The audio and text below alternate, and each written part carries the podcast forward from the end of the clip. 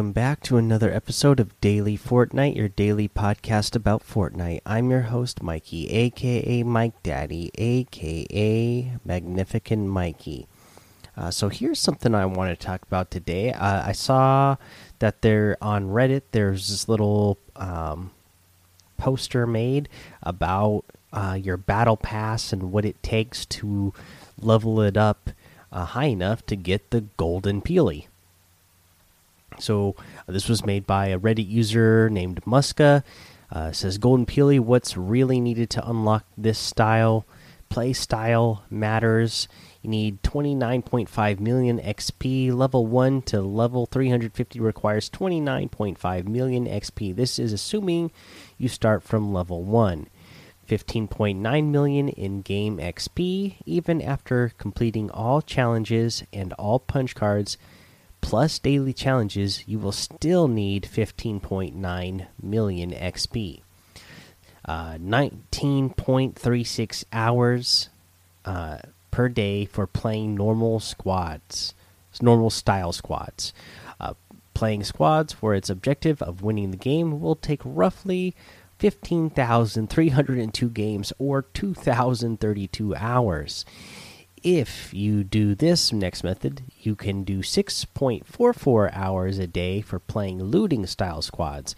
Playing squads and loot hoarding, opening lots of chests, fishing while loot while rotating. Uh, this takes roughly 1,767 games or six or 677 hours. And then if you do this method here, you will need to play 3.86 hours a day for playing Team Rumble. Play Team Rumble and loot chests and get lots of kills. This will lead to roughly 1,060 games or 406 hours. Note 1 assuming the user plays for all 105 days of the season. Note 2 assuming all games played are good games. Note 3 all times shown don't include load and matchmaking times, etc. So that's pretty crazy. Um, you know, I don't know how if this is completely accurate, but it sounds accurate when I look at it. So, yeah, that's a lot of time you have to put in the game. Uh, and if you're somebody who is just trying to grind out challenges and grind out all this free items you can get in battle passes, it definitely looks like, uh, you know, becoming a Team Rumble warrior is the is the best way to get that done. Uh, you know, like looting as much chess as you can during the match and getting as many eliminations as you can during the match. Uh, if you're assuming that you are playing out the match uh, to completion, we we know that there was another method that uh, you know the player that has like the highest level in the world was doing a method where he was just stopping Team Rumble, looting as many chests as he could, then dropping out of the game and then starting a new one. And he was just doing that over and over and over and over. But uh, yeah, that just doesn't sound like any fun at all because then you're not going for eliminations at all. You're just literally dropping in, picking up all the chests in a location. Uh, not worrying about rotating at all, dropping out, and then doing the same thing and repeating. Sounds kind of boring, uh, but I guess uh, it, it, could work for you if that's you're really just desperate to to uh, level up quickly. So there's that uh, little thing I just wanted to share, and then here's another thing. Again, just coming out uh, talking about uh, the ninja battles uh, once again. So we saw in ninja battles that we saw in ninja battles that Clix was uh, somebody who was invited to the the tournament, and uh, unfortunately, you know, before the tournament was over, he dropped out uh, so that he could go play Cash Cup uh, tournament. And again, that's just not, you know, that's not a good look either. If you're somebody who is invited to a tournament and then you accept, you know, the invitation uh, and then you don't even finish out. And especially since it was a trios event, then you know he left his two partners uh, to finish out the rest of the match. You know, you know, I think they only had like one match left, but still, you still left them on their own uh, to finish out the games, which is pretty lame thing to do. Uh, so we can already see that uh, this invitation style tournament is uh, pretty cool because we're getting to see names that we like, but also we're getting to see uh, some behavior that uh, just uh, that we don't like. So I'm kind of curious what you guys think. I know a lot of people are really excited because you know we used to get those Fortnite Friday tournaments. Uh, now we're going to get the Ninja battles over the next month, uh, and you know we had the Benji Fishy Cup. Uh, and you know we the and we just had an FNCS Invitational, so I'm kind of curious what you guys think about the Invitational versus the the open style tournaments where everybody has a chance to com compete and um, you know compete and uh, get a chance to to qualify and make a name for themselves. I know uh, there's a lot of people out there, you know, like Bala Bala himself, you know, one of the casters for Ninja Battles, one of the best casters out there. Um, you know, does the the normal casts as well. I've seen him talk about it in the past that he prefers, you know, the type of tournaments where uh, you you you're getting invitationals, right? Uh, I would say that you know he, I bet he really likes uh, the other style games uh, where you know there's either a league or um, the way they do their turn tournaments is by inv inviting organizations and players from the organizations, right? Uh, so there's no real open qualifiers. You just have to, your organization has to be known, and you have to be a known player to get invited.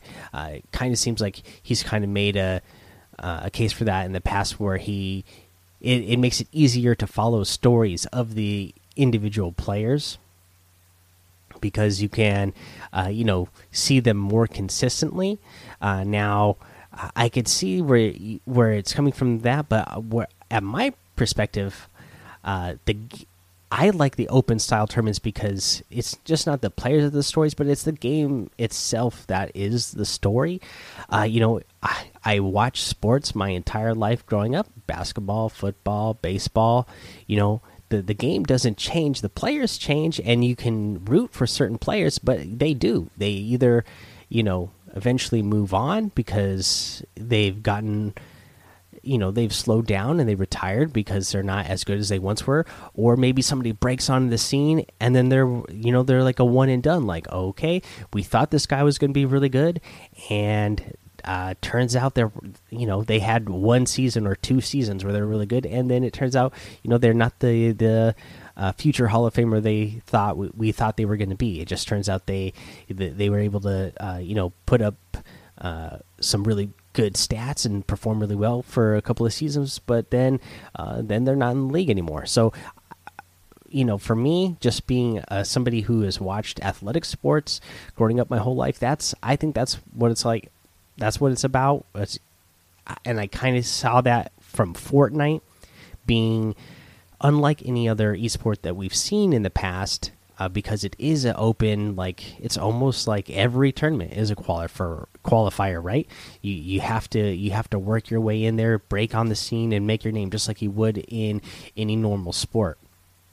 So that's what i liked about it. I didn't uh, some you know some of the uh, other esports that I used to watch in the past, I would get tired of because I'm like, oh, well, you know, there's no way for me to like be excited, you know, because you would watch streamers who were really good, or you would watch uh, YouTubers who were really good at the game, and you would never see them ever in a tournament because they weren't on a big name org. And you'd be like well are even the best players even really there or is it just because these players are popular and they're on a organization that the tournament uh, organizers are inviting these organizations to? So uh, you know just kind of curious what you guys think uh, on about that? Do you like the open style or do you like the invitational? Is there one that you like better? I mean, personally, I like both. I actually like really now uh, that Fortnite is now doing a mixture because you know Fortnite their own official tournaments. You know, it's all the open style. Hey, anybody, you know, you or I can uh, try to compete to join. But now they're doing all these. Um, third party tournaments and they they've talked about it in the past that they were going to start doing more third party tournaments and now that they're doing them uh, we're getting to see some more of the invitational. So i kind of i'm really liking the competitive scene for it right now because we're getting uh you know something that everybody likes. We're getting to see open qualifiers, and we're getting to see more invitationals now, where you can, if you you know are just a, a fan of uh, certain players, then you're going to get to see all the you know the big name uh, people who uh, who have clout uh, play together, and you'll be able to see that stuff. So I think it's pretty cool. Uh, I guess that's all I got to say about that. And again, there's no real new challenges uh, to talk about, so let's go ahead and take a break here. All right, let's go ahead and take a look in today's item shop. It's a good one. We have the Luminos outfit with the Lunar Light back bling for 1,500 V bucks, the Astral Axe harvesting tool for 1,200, the Shard Break Wrap for 500, the Arcana Glider for 1,200, and that really cool Dream outfit with the Shattered Wing back bling for 1,200. Uh, we have the uh, Jaime outfit with the Shiro back bling for 2000 V bucks, the Cat's Claw harvesting tool for 800, the Shogun outfit with the bladed wings back bling for 2000 bucks. This is a cool one too. Uh, the Jaw Blade harvesting tool for 800. We have the Brat outfit with the loose links contrail back in here for 1200. Uh, let's see here. We have the Fennix outfit with the Fox Pack back bling for 1,200. The Sun Sprout back bling for 200. The Double Up emote for 500. You know, that's a cool emote that you can, uh, you know, do with your friends. Uh, the Verge outfit for 800. The Toosie Slide emote for 500, the Deep Dab emote for 200, and the Psycho Bundle that has the Psycho Bandit outfit, the Claptrap pet, and the Psycho Buzz harvesting. Uh, Psycho Buzz Axes harvesting tool for 2,000 V bucks for all of those, and you can get any of these items using code Mike Daddy M M M I K E D A D D Y in the item shop, and some of the proceeds will go to help support the show. Okay, let's see here, guys. Uh, for a tip today. Uh, again, when you are playing trios, uh, you know, because we're going to start seeing a lot more trios again here soon. You know, we're doing the the Ninja Battles tournament that we're viewing every week for the next month, and that is going to be trios.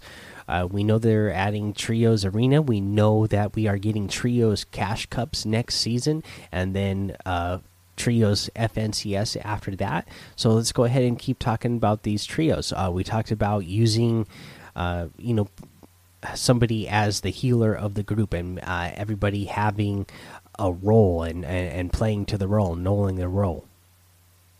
Well, uh, another thing uh, that all three players need to be aware of when they are um, playing together in situations uh, is is move is, is moving together, especially in the end games when you're moving and tunneling.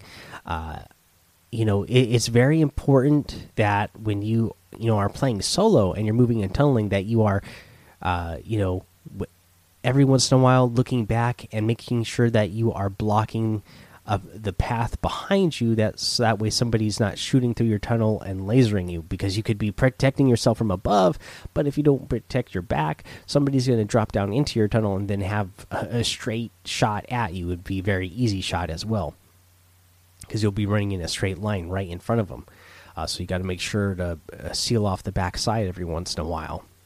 Now uh, we in trios you, you have to be doing that for yourself and be doing and doing it and be aware of your other players. So you need to be making call outs. Is, is there somebody who's bringing up the rear and they're the one that's going to be closing off the back? Because if you're in the front and then you're you know you're ahead of your partners and then you're turning around and uh, trying to you know just act like you're playing a solo game like you normally would be and you seal off the back you're also sealing off your teammates uh, and putting them uh, in a predicament potentially if somebody's chasing after you guys.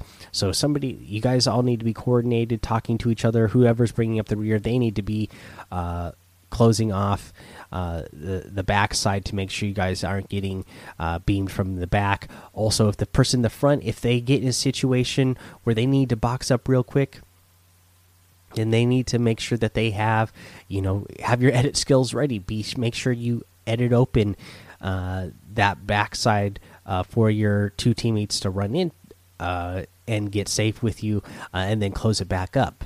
Uh, so you guys work that out together. Uh, make sure you're calling everything, including your edits. That way, everybody's on the same page and will be putting themselves in the best position to go ahead and win the game. All right, guys, that is the episode for today. Go join the Daily Fortnite Discord and hang out with us. Follow me over on Twitch, Twitter, and YouTube. It's Mike Daddy on all of those. Head over to Apple Podcasts, leave a five star rating and a written review for a shout out on the show. Make sure you subscribe so you don't miss an episode. And until next time, have fun, be safe, and don't get lost in the storm.